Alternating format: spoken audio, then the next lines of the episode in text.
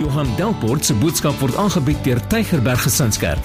Vir meer inligting, besoek gerus gesinskerk.co.za of skakel gerus die kerkkantoor by 021 975 7566.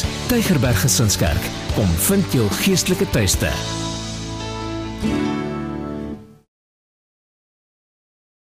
Amen. Nou jy kan vanoggend jou Bybel oopmaak by Eksodus 12. Eksodus 12 en ons gaan 'n paar verse daar saam lees. Eksodus 12. En uh, jy kan ook oopmaak by Hebreërs 11. Eksodus 12 en um Hebreërs 11. Dis 'n paar plekke waar ons gaan lees. Ek wil jou vra om saam met my te lees. Alhoewel ek van die verse aanhaal en uithaal, wil ek jou mooi vra, maak 'n nota, gaan lees die verse weer by die huis. Dit is my belangrik dat 'n mens 'n geheel prentjie moet kry van teksgedeeltes. En ongelukkig het jy 30 of 35 minute hier voor, so ek kan nie alles lees nie, maar ek wil jou vra sê asseblief die verse gaan lees by die huis. Sê bietjie mm. Okay, jy het nou commit? Nee? Okay.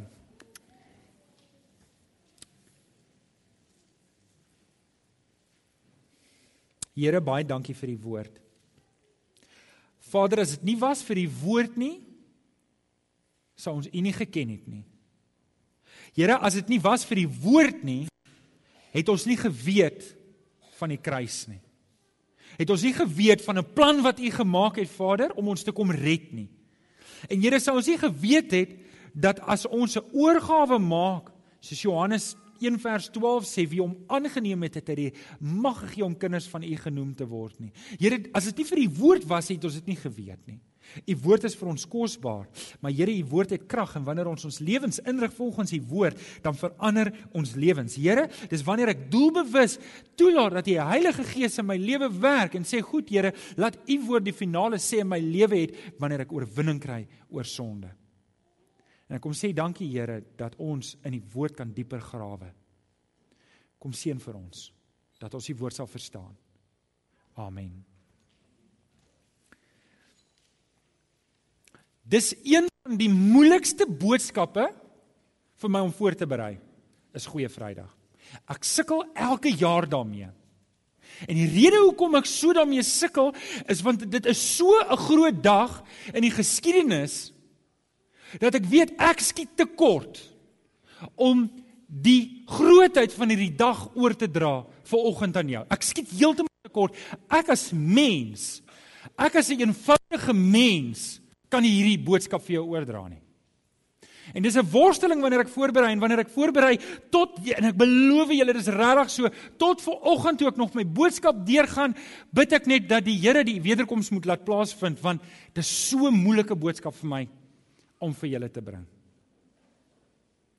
Want ek skiet so ver te kort.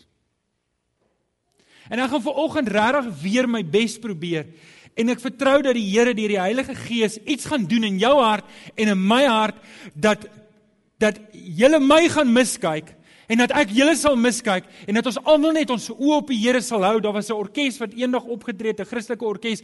En wat hulle gedoen het, hulle het 'n groot kruis in die middel van die verhoog gesit. En die van julle wat drama gedoen het en die van julle wat betrokke is en sal weet hulle doen die verkeerdste dinge. Wat hulle doen is die hele orkes het met hulle rug gestaan na die gehoor toe. En saam met die gehoor het hulle gekyk na die kruis en dit het my diep geraak. En ek wens so ek kon ver oggend my kans sal omdraai en ook net na die kruis kyk terwyl ek preek dat julle my nie sien en ek julle nie sien en dit al wat ons sien is die kruis van Jesus. Die ou storie van die predikant wat gepreek het. Ag en hy het regtig goed gepreek en ag en weet julle om met menslike gimmicks mense te beïndruk is nie te moeilik nie. En die man het goed gepreek en na was so van die 1600s en nadat hy gepreek het, toe loop die twee mans uit en hulle sê die een sê vir die ander man, "What a great preacher. What a great preacher." En die storie word vertel dat 'n week later het hulle 'n diens bygewoon by Charles Spurgeon en en hy het gepreek en hy het gepreek oor die kruis. Hy het gepreek oor Christus wat aan die kruis gesterf het en hy het geskilder hoe Christus gemartel is vir my en vir jou sondes dat ek en jy nie daai kruispad hoef te stap en self vir ons eie sondes hoef te boet en hel toe te gaan nie. En hy preek dit en toe hulle uitstap, toe sê die een man vir die ander man, "What a great God." En dis my gebed vir oggend dat jy sal uitstap dat jy beïndruk sal wees met jou Vader se liefde vir jou.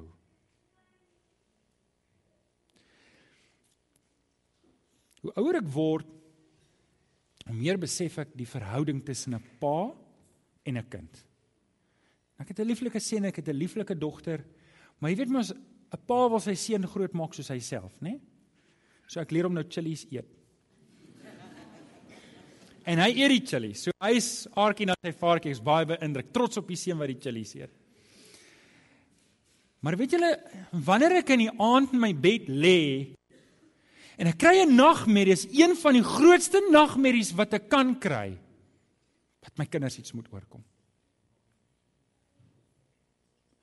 Ek wil vir jou vanoggend sê, goeie Vrydag se nagmerrie vir die Vader gewees.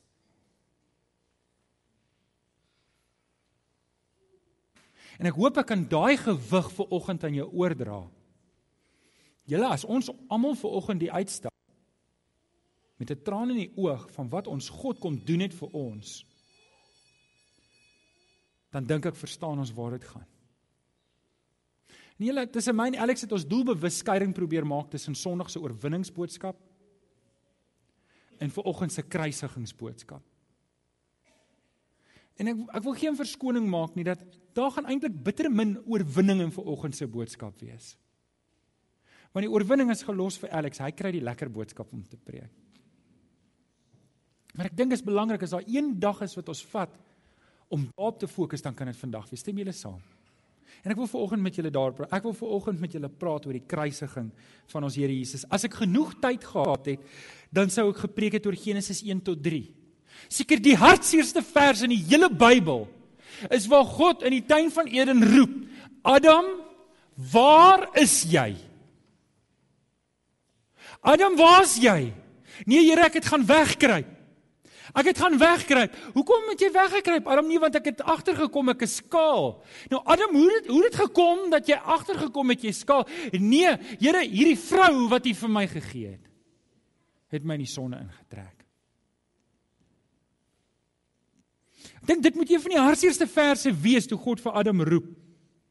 En as ek tyd gehad het, kon ek daaroor gepreek het, kon ek gepreek het en vir julle gesê het hoe in Genesis 3 sien ons Jesus Christus uitgeskets waar waar God die Vader sê ek stel vyandskap tussen jou die slang wat Satan is en jou die vrou. Tussen jou nageslag en tussen die nageslag van die slang. Want sien, ons weet Josef het nie is nie die pa van Jesus gewees nie. Die Heilige Gees was. En ons weet dat die saad daar enkelvoud is en ons weet dat daar's net een wat die mense in die hak sou byt en dit is Satan en daar's net een wat Satan aan sy kop sal vermorsel en wie's dit? Dis die Here Jesus Christus. As ek genoeg tyd gehad het kon ek gepreek het oor die verbond van Abraham waar God met Abraham 'n verbond sluit in in Genesis 18 vers 18 waar hy vir Abraham sê Abraham deur jou sal al die nasies van die aarde geseën word. Want God het 'n plan gehad. In Genesis 3 het hy nog steeds dieselfde plan gehad in Genesis 18 om te sê ek gaan my seun na die aarde toe stuur. En dit gaan 'n groot impak hê, dit gaan die geskiedenis verander. Wie sou kon dink dat een kruis, een kruis met God se seun op die kruis sou die geskiedenis so kom verander? Dit was God se plan. Amen. Ons het gekyk in die week, weet julle, wie van julle het nie die SMS'e gekry nie? Het julle die verse gelees? Ons het maand Sondag het ons gekyk na Palm Sondag. Onthou julle ons het gesê die koning het in die stad ingekom in Jerusalem en almal het geroep Hosanna Hosanna in die hoogste. 'n Week later Vrydag het hulle almal geroep kruisig hom kruisig hom.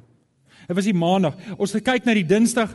Die maandag het ons gekyk uit in die tempel ingegaan en die tempel skoon gemaak en het gesê my huis sal 'n huis van gebed genoem word.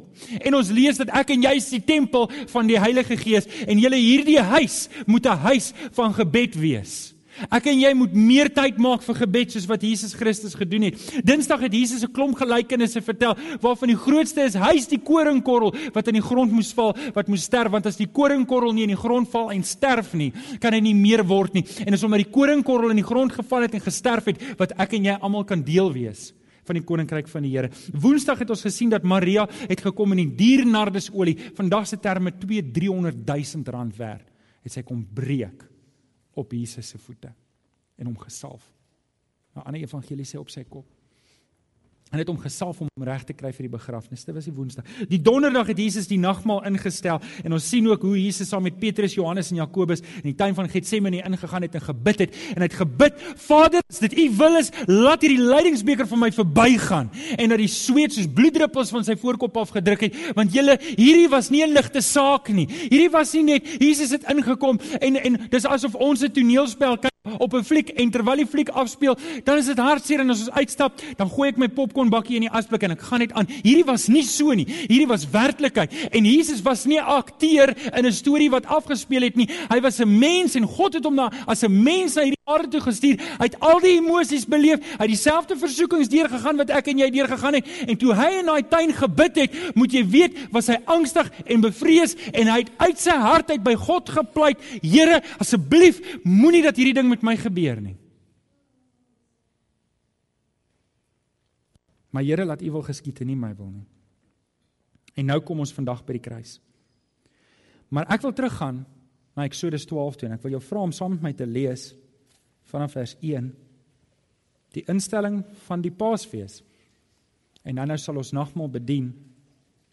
En ons lees daarvan af vers 1 in Egipte het die Here vir Moses en Aaron gesê: "Hierdie maand is vir is vir julle die belangrikste maand. Dit moet julle eerste maand van die jaar word." Sê vir die hele gemeente van Israel, elke een moet sorg dat hy op die 10de van hierdie maand 'n lam vir sy gesin het, vir elke huisgesin een. As 'n huisgesin te klein is vir 'n lam, kan hy kan die man sy naaste buurman dit onder mekaar verdeel volgens die getal persone. Julle moet die lam deel volgens elkeen se behoefte. Dit moet 'n jaar oud rammetjie wees sonder liggaamsgebrek. 'n Skaap of 'n bok. Julle moet hom goed oppas tot die 14de van die van hierdie maand En dan moet die hele gemeente van Israel teen laatmiddag slag. Julle moet van die bloed smeer aan die sykante van die bokant van die deurkusyn en aan elke huis waar julle lam gaan eet. Nog dieselfde nag moet julle die vleis eet. Julle moet dit gebraai eet saam met die ongesuurde brood en die bitterkrye. Julle moet dit rou, julle moet dit nie rou of in water gekook eet nie, maar oor 'n vuur gebraai met kop, potjies, binnegoed en al. Julle mag niks daarvan tot die volgende môre laat oorbly nie. As daar die volgende môre nog iets oor is, moet julle dit verbrand. Julle moet dit haastig eet. Aan julle moet dit haastig eet, aangetrek vir die reis, skoene aan die voete en kierie in die hand. Dit is die Paasfees van die Here. Daardie selfde nag sal ek deur Egipte gaan en al die eerstelinge van die Egiptenaars, mens en dier tref. Met al die Egiptenaars se gode sal ek afreken.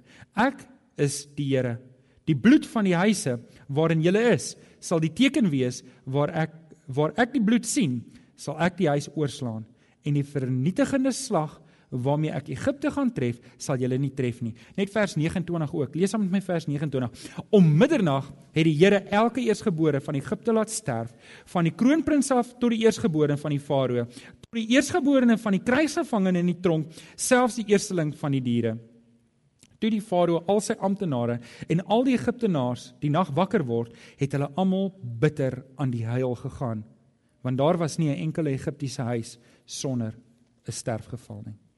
En nou wil ek net saam met julle lees in Eksodus 11, ag in Handelinge 11 vanaf vers Ag Hebreërs, ons is in Handelinge. Hebreërs 11 vanaf vers 26 27 24 Omdat Moses geglo het toe hy groot geword het, het hy geweier om die seun genoem te word van die farao se dogter. Hy het verkies om liewer sleg behandel te word saam met die volk van God as om die kortstondige genieting van die sonde te hê. Ek wil hê julle moet hoor wat doen die Hebreërskrywer. Hy vergelyk Egipte met die sonde. Die smaak ter wille van Christus. Nou dis baie interessant om Moses en Christus in dieselfde sin te lees. Die smaak ter wille van Christus het hy groter as groter rykdom geag as die skatte van Egipte omdat hy na die beloning uitgesien het. Nou ek wil vir oggend 'n parallel trek en ek gaan vir jou mooi wys hoe daar 'n parallel is tussen die volk wat uit Egipte uitgetrek het na die beloofde land toe en die lam wat geslag is en Christus wat ons uit die sondige wêreld uittrek om eendag by hom te kan wees as kinders van God. Sien ons direkte verbande. Daar's direkte verbande, daar's direkte parallelle. Eerstens ons het te doen met 'n volk. God wil die volk red. Net so wil God vandag deur Christus die wêreld red. Hy red deur die lam, hy red deur die lam, né? Nee?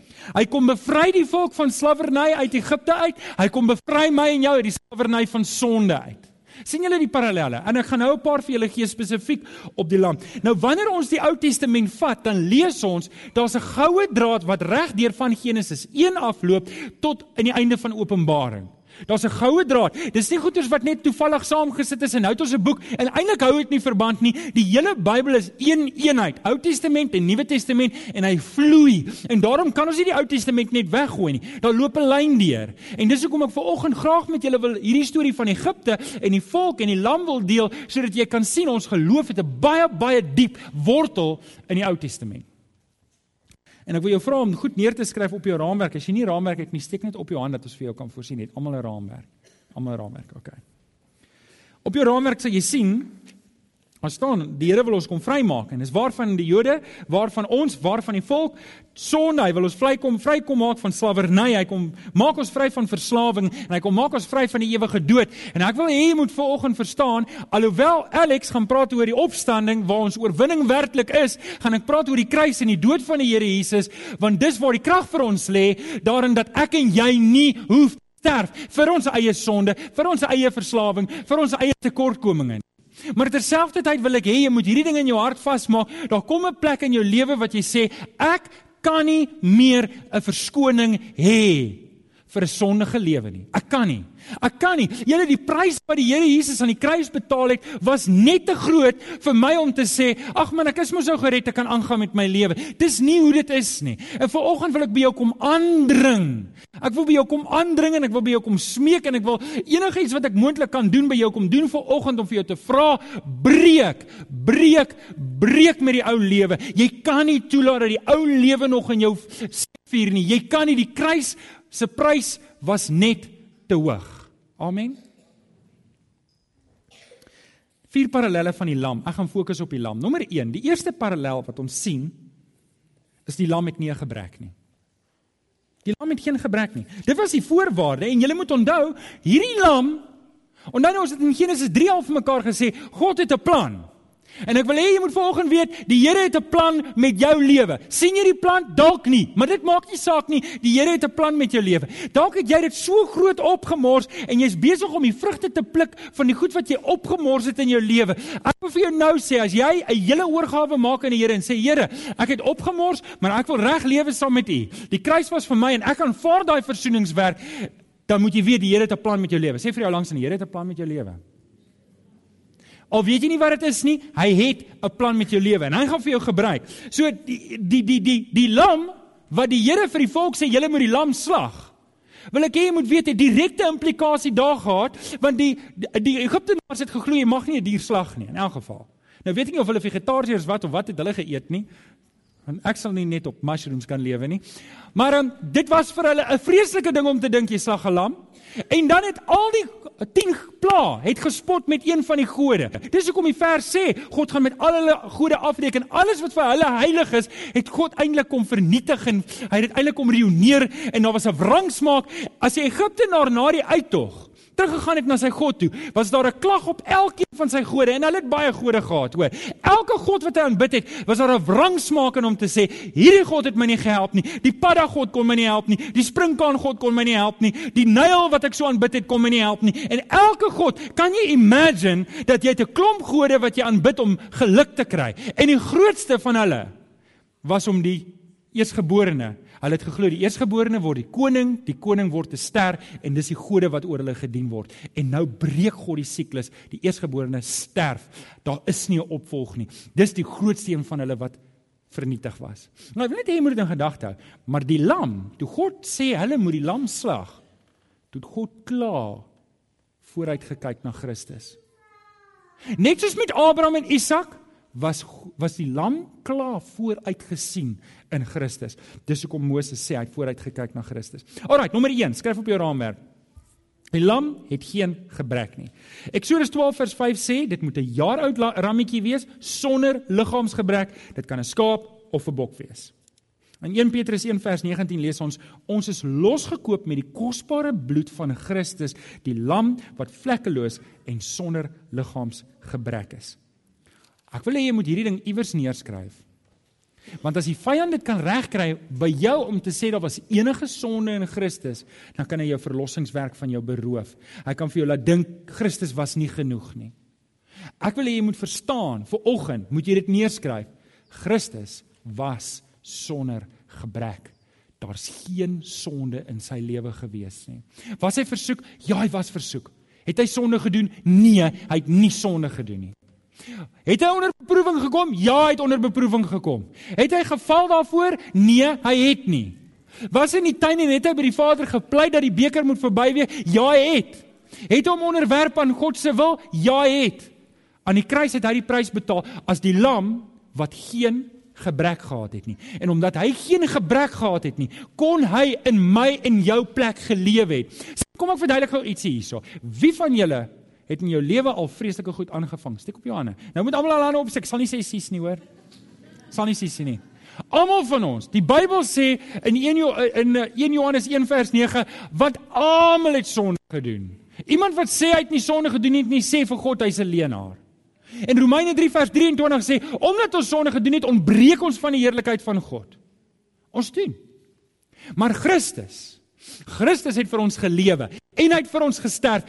Hy het die straf wat op jou moes wees, hy het die straf wat op my moes wees, het hy op hom geneem en het in my en jou plek op aarde kom lewe. Hy het dit wat ek en jy nie kon doen nie. Want sien, as ek 'n lam was, dan was ek 'n gebrekkige lam. Ek was 'n gebrekkige lam. Sou hulle my kon gebruik? Nee. Ek kan net vir een persoon se sonde sterf en raai vir wie se sonde is dit? Vir my eie sonde. Ek het iemand nodig wat in my plek kon lewe en in my plek kon sterf. Dis die Here Jesus. Hy het geen gebrek gehad nie. Die tweede parallel. So dit moes 'n lam gewees het sonder gebrek. Die lam was sonder gebrek, die lam was sonder gebrek. Die tweede die tweede parallel is die lam moes geslag geword het. Die lam moes geslag geword het. Eksodus 12 vers 6 sê julle moet hom goed oppas tot die 14de van hierdie maand. En dan moet die hele gemeente van Israel teen laatmiddag slag. Nou, ek wil net hê julle moet net verstaan hier, so hier's iets wat gebeur hier en God doen dit doelbewus. Wie van julle het op 'n plaas groot geword? Wie van julle het die voorreg gehad om 'n lammetjie Hans groot te maak? OK. Nou, ek het nie op 'n plaas groot geword nie, so ek het dit nie gedoen nie. Wat ek net wonder is, wat doen jy met daai lam éventueel? Slag jy hom? Doen jy? Dis wreed, hè? Imagine, wat sê jy vir ons het kapok hoendertjies gehad? En ons het nie regtig met hoenders gespeel nie, want dit maak net nie lekker speelmaatjies uit nie. En toe op 'n dag toe moes ons hulle almal slag. En vir ons as kinders was dit traumaties. Hier hardloop die hoenders op die erfront sonder koppe. Dit was vreeslik erg. Julle kry die idee. Nou hier het ons die volk wat die Here vir die volk sê, vat vir jou 'n lam en pas hom op. Weet jy wat beteken dit? Jy hou hom by jou. Daai lam gaan nêrens heen nie. Jy pas hom op, jy voer hom. Jy bou 'n verhouding met daai lam. Wie van julle dink dit sou moeilik wees om daai lam te slag? Die Here doen dit doelbewus. Hy gee vir hulle 'n plek om 'n verhouding te bou met hierdie lam sodat hulle kan voel, dit voel om die prys te betaal, om om 'n lewe te verloor. Hy's 'n lam, hy's onskuldig. Hy's sonder gebrek. Dis die perfekte lam. Dis 'n ram. Jy slag nie 'n ram nie. En dan slag hulle hom om daai verlies te kan voel. Dis dieselfde wat God doen met Abraham. Hy sê vir Abraham: "Abraham, ek wil hê jy moet jou seun offer." Ek wil moet jou seun offer en die heel pad wat hy met sy seun stap kan ek dink hoe vroeg hy. Ja, ek is seker hy het vertrou in die Here anders sou hy nie daai pad aangepak het nie. Ek ek kan dink wat hy sê, Here, ek sal gehoorsaam wees aan U, maar hierdie is 'n baie swaar pad om te stap. En ek wil hê julle moet sien, hier's 'n lam, hulle het 'n verhouding gebou met die lam, maar eintlik is dit klein. Dis klein, maar hier het ons vir Abraham en ons het Abraham wat sy eie seun moet gaan offer. Nou die van julle wat die storie nie ken nie, die Here het voorsien, hy het toe nie sy seun geoffer nie. God het voorsien. Maar die Here wil hê die volk moet hoor. Dis sy seun wat gaan sterf. Dis sy seun wat gaan sterf. Dis wat die Here wil hê ons moet ver oggend sien. Hier's 'n Vader wat sy seun verloor het. 1 Korintiërs 5 vers 7 sê ons paaslam is geslag. Dit is Christus. Hierdie was nie. O julle, dis 12 uur. Die Here het gesê ons moet al die lamme slag. Kom ons slag. Ons haal die messe uit en slag en alles. Dis nie hoe dit was nie. Dis nie hoe dit was nie. Dit was nie sommer net, o, dis nou 12 uur, kom ons doen dit nie. Hierdie was 'n groot ding. Hierdie was 'n oomblik toe die Vader sien dat sy seun aan die kruis hang. Dit was 'n groot ding en dit moet 'n indruk los op my en op jou. Ek wonder toe die Here Jesus aan die kruis hang. Ek het eendag 'n preek gehoor dat die Here het dit donker laat raak 12 uur vir 3 ure lank. Het dit donker laat raak. Want dis asof hy nie wou gehad het die mense moet sy seun so sien nie. Dis asof die Vader sê van die mense wat daar rond staan spot en skel, dis sy seun. Dis sy seun wat hier hang. Hy bring die donkerte in en, en hy bring die donkerte oor sy seun en hy sê ek wil nie hê julle moet dit sien nie. Dis my seun hierdie. Miskien sal dit makliker vir jou sin maak as ek vir jou vra as dit jou seun was? As dit my seun was wat daar gehang het? Die derde parallel is die lam se bloed red. Eksodus 12 vers 7 sê julle moet van die bloed smeer aan die sykante die bokant van die deurkusyn van elke huis waar julle die lam gaan eet. En dan sal God verbykom. En hy gaan nie by die deur staan en vra wie's die mense wat hier binne bly? Is dit Johan Delport? Kom ons kyk net eers hoeveel het sonde het hy gedoen voordat ons verbyloop nie. Is dit is dit Marco wat hier bly en en, en kyk maar Marco, jy het al goeders aangevang. So nee, hierdie hierdie bloed tel nie eintlik vir jou nie.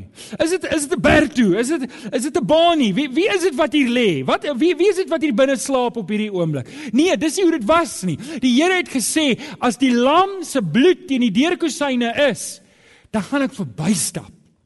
Ek gaan kyk na die bloed van die lam. Ek gaan nie kyk of jy dit verdien of dit nie verdien nie. Ek gaan nie kyk of jy die paal haal of nie die paal haal nie. Ek gaan kyk na die bloed van die lam en as jy in die bloed van die lam is, sal ek jou red. Daar word nie verder vrae gevra oor jou lewe nie. Jou verlede is afgeskryf. En ek wil hê jy moet daai beeld kry.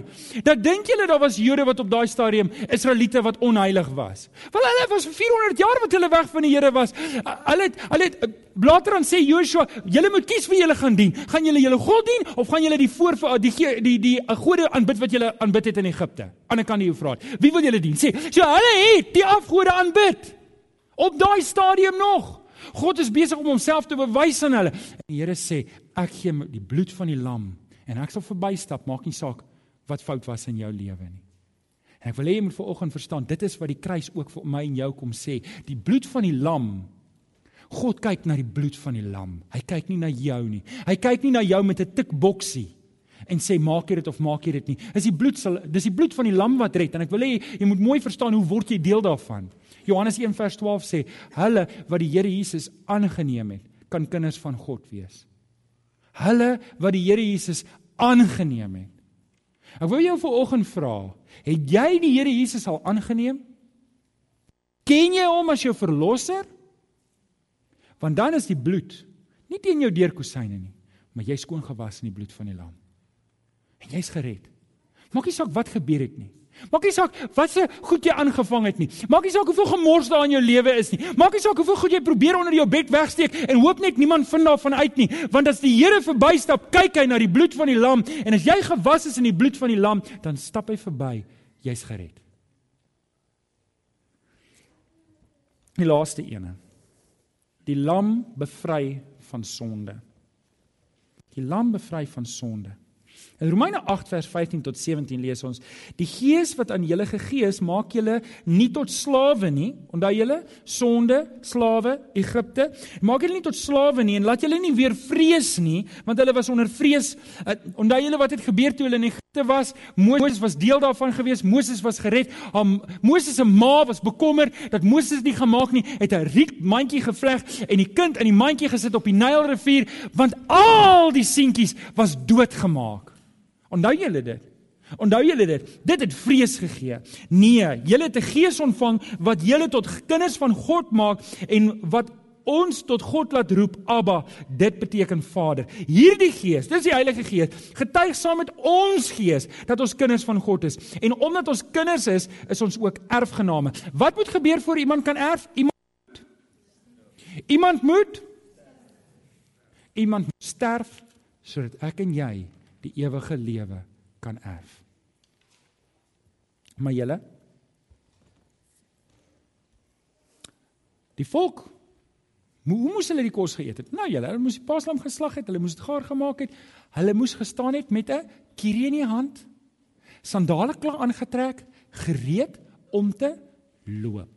Onthou julle dit? Ons nou nou gelees. Want wat moet hulle doen? Hulle moet Egipte agterlaat. Sien Die Here kom red ons nie net van ons sonde van ons van 'n verlore lewe nie. Maar hy kom verlos ons daarvan dat ons nie meer daarin vasgevang word nie. Wat sal dit nou help as die Here nou daar was en gesê hoor, bly net hier in Egipte? Dan was hulle nog steeds slawe. Maar die Here kom maak ons vry. Ek en jy is nie meer slawe nie. Ek en jy gaan nie meer aan met die ou lewe nie. Die kruis gee vir ons oorwinning. Ek hoef nie meer aan te gaan nie. Ek is nie meer 'n slaaf nie. Ek het nou opgestaan, ek het nou uitgeloop. Die bloed van die lam het my skoon gewas. Ja, maar ek moet loop. Ek kan nie aangaan met hierdie ou lewe nie. Want die prys op die kruis was te duur. Gee my laaste oomblik en ek wil vra dat die manne en vroue wat my help met die nagmaaltafel of hulle slank kan vorentoe kom en my help om die nagmaaltafel voor te berei. Ons herdenk die kruis. Weet julle, ek dink aan die sewe kruiswoorde, aan die woorde toe die Here Jesus aan die kruis gehang het. En julle, dis 'n vreeslike ding wat gebeur het. Dis 'n vreeslike ding. En ons lees dat hulle spot en hulle skree op die Here Jesus selfs die die manne wat langs hom gehang het initieel albei het gesê, "Maar as U dan die Christus is, red Uself en red vir ons dat ons kan afklim en ons sal U dien." En die Here se eerste woorde is: "Vader, vergewe hulle." Want hulle weet nie wat hulle doen nie. Later aan toe kry die een man spyt en hy hy staan op en hy sê luister ons het ons hele lewe lank net sonde gedoen. Hele lewe lank opgemors. Hier is 'n man wat niks verkeerd gedoen het nie en jy vloek en skel so op hom. Kry nie skaam nie? En hy draai na Jesus toe terwyl hy aan die kruis hang en julle dit moes 'n onaangename ervaring gewees het, maar in sy laaste desperaatheid pleit hy en hy sê: "Here, dink aan my. En Jesus sê vir hom verseker, ek sê vir jou vanaand is jy saam met my in die paradys. Later aan toe staan Johannes daar en Jesus se moeder Maria staan daar en terwyl Jesus hang, kom hy nog steeds sy verantwoordelikheid na as 'n Joodse oudste seun om te kyk na jou ma as jou pa nie meer lewe nie. En hy sê vir Johannes, Johannes, daar's jou ma. Sorg vir haar. Sorg vir haar. Later dan het die Here Jesus dors geraak en hy het gesê ek is dors en hulle het vir hom 'n spons gegee met asyn op. Kort voordat hy sy laaste asem uitblaas het hy gesê dit is volbring. Ek het gedoen waarvoor ek gekom het. Ek het gedoen wat ek moes doen. Ek het die prys betaal. Die prys is betaal, die kruis is genoeg. My lewe het ek as offer uitgegee. En die Here het dit donker gemaak en dit was vir 3 ure lank donker. En ons weet nie presies hoe die tyd verloop het nie, maar iewers in daai 3 ure het Jesus gesê: "Vader, in U hande gee ek my gees oor." En hy sy laaste asem uitgeblaas.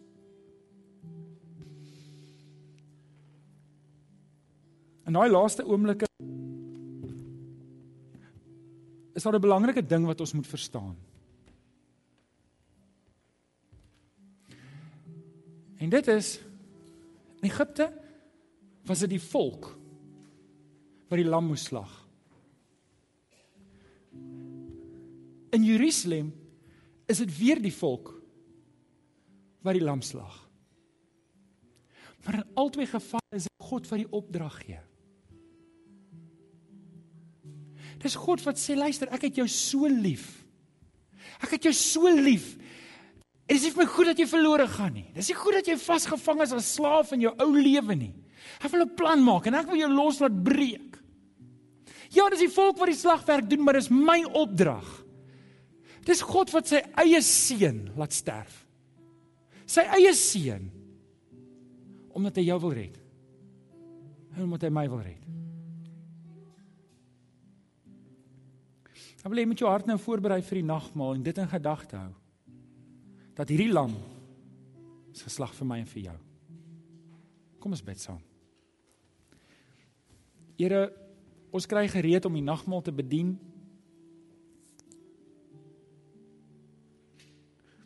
Here, ons wil ons harte voor U kom ondersoek. Ons wil vir 'n oomblik stil staan net hierso. En kyk na die kruis en Here, ons weet die kruis is leeg. Ons weet die opstanding het plaaslase vind, maar nou net vir hierdie oomblik wil ons net ons gedagtes fokus om daar te wees in Jerusalem. Om te weet hierdie lam is vir ons geslag. Dankie Here. Amen. Vriende, ons gaan nou die nagmaal elemente uitdeel. Ek wil net mooi vra om die elemente vas te hou. En wanneer ons almal saam is, dan gaan ek julle bedien. So ons gaan dit uitdeel nou. Baie dankie. Baie dankie dat jy na hierdie boodskap geluister het. Ons glo dat elke gelowige binne die konteks van 'n gemeente behoort te groei. Indien jy nog nie by 'n gemeente ingeskakel is nie, kom besoek ons gerus hierdie Sondag by Laerskool Jean Louw se skoolsaal, Tulipstraat, Amanda Glen, Durbanville. Tygerberg Gesinskerk. Kom vind jou geestelike tuiste.